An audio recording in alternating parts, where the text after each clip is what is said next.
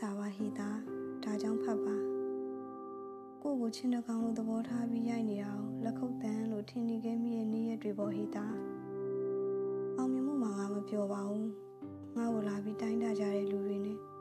သူတို့ရဲ့အတ္တပေတံတွေပျောက်ဆုံးသွားတဲ့ငါရဲ့အရင်ကလိုကြီးစင်မမျောခြင်းတွေငါကဘယ်ရာကိုမှစောက်ကင်မထားခြင်းမဟုတ်ဟိတာငါ့ကိုငါရောပါဝင်ဖို့ ငါမပြောတဲ့ရက်တွေမှာဆိုရင်လူထဲမှာအယူတွေကိုလိုက်ရှာပြတယ်ပြောရရင်ငါယူနေတဲ့နေ့ရက်တွေပေါ့ငါစိတ်ညစ်တာမဟုတ်ဘူးဟေ့တာငါမပြောတာနင်သိလားစိတ်ညစ်တာနဲ့မပြောတာနဲ့ကမတူဘူးအယူတွေကိုတွေ့တဲ့အခါသူတို့မျက်ဝန်းတွေကိုကြည့်ဖြစ်တယ်သူတို့မပြောဘူးဟေ့တာသူတို့မပြောကြပါဘူးကွာ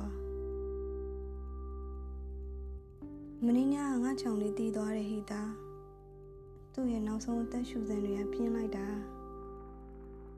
ငါတွေးမိပါတယ်သူ့ရဲ့နောက်ဆုံးမိနစ်တွေမှာ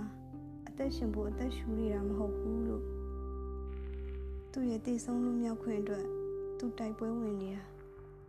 တက်ရှိတတဝါတိုင်းကရှင်သန်မှုကိုမြင်လို့ကြတယ်ဟိတာဒါပေမဲ့တစ်ခါတလေကြပြန်တော့လဲ တည်ဆုံးမှုကိုဆုလက်တစ်ခုလိုတောင်းတကြရပြန်တယ်ငါလည်းတစ်ခါတစ်ခါလုံးမြောက်နေအေးချင်လိုက်တာတည်ဆုံးမှုနဲ့ပဲဖြစ်ဖြစ်ပေါ့ငါအသက်ရှူသံတွေပြင်းနေတာတတိထားမိတယ်မဟုတ်လားငါတည်တဲ့အခါမငိုနဲ့ဟေတာအဲ့ဒါဟာငါရဲ့လွတ်မြောက်ငြိမ်းချမ်းရာနေရာတစ်ခုဖြစ်ရှင်ဖြစ်နေမှာငါစာရီပို့တဲ့အခါဖတ်ပါဟေတာငါဖုန်းဆက်တဲ့အခါမှလည်းကြိုင်မှာ ငါကတချို့နေ့ရက်တွေမှာဆိုငါကငါတောင်ဆက်သွယ်ပြီးပြက်နေရ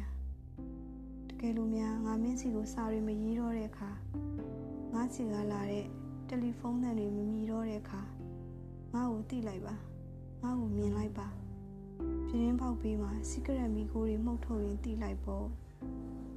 စာရီမရေးပဲဖုန်းတွေမဆက်ပဲစိတ်ကူးနဲ့ခီးဆန်းလို့ရတဲ့ဘဝမှာငါရောက်သွားပြီဆိုတဲ့အကြောင်းတင်း အသက်ပြင်းပြင်းရှူနေစေစင်ငိမ့်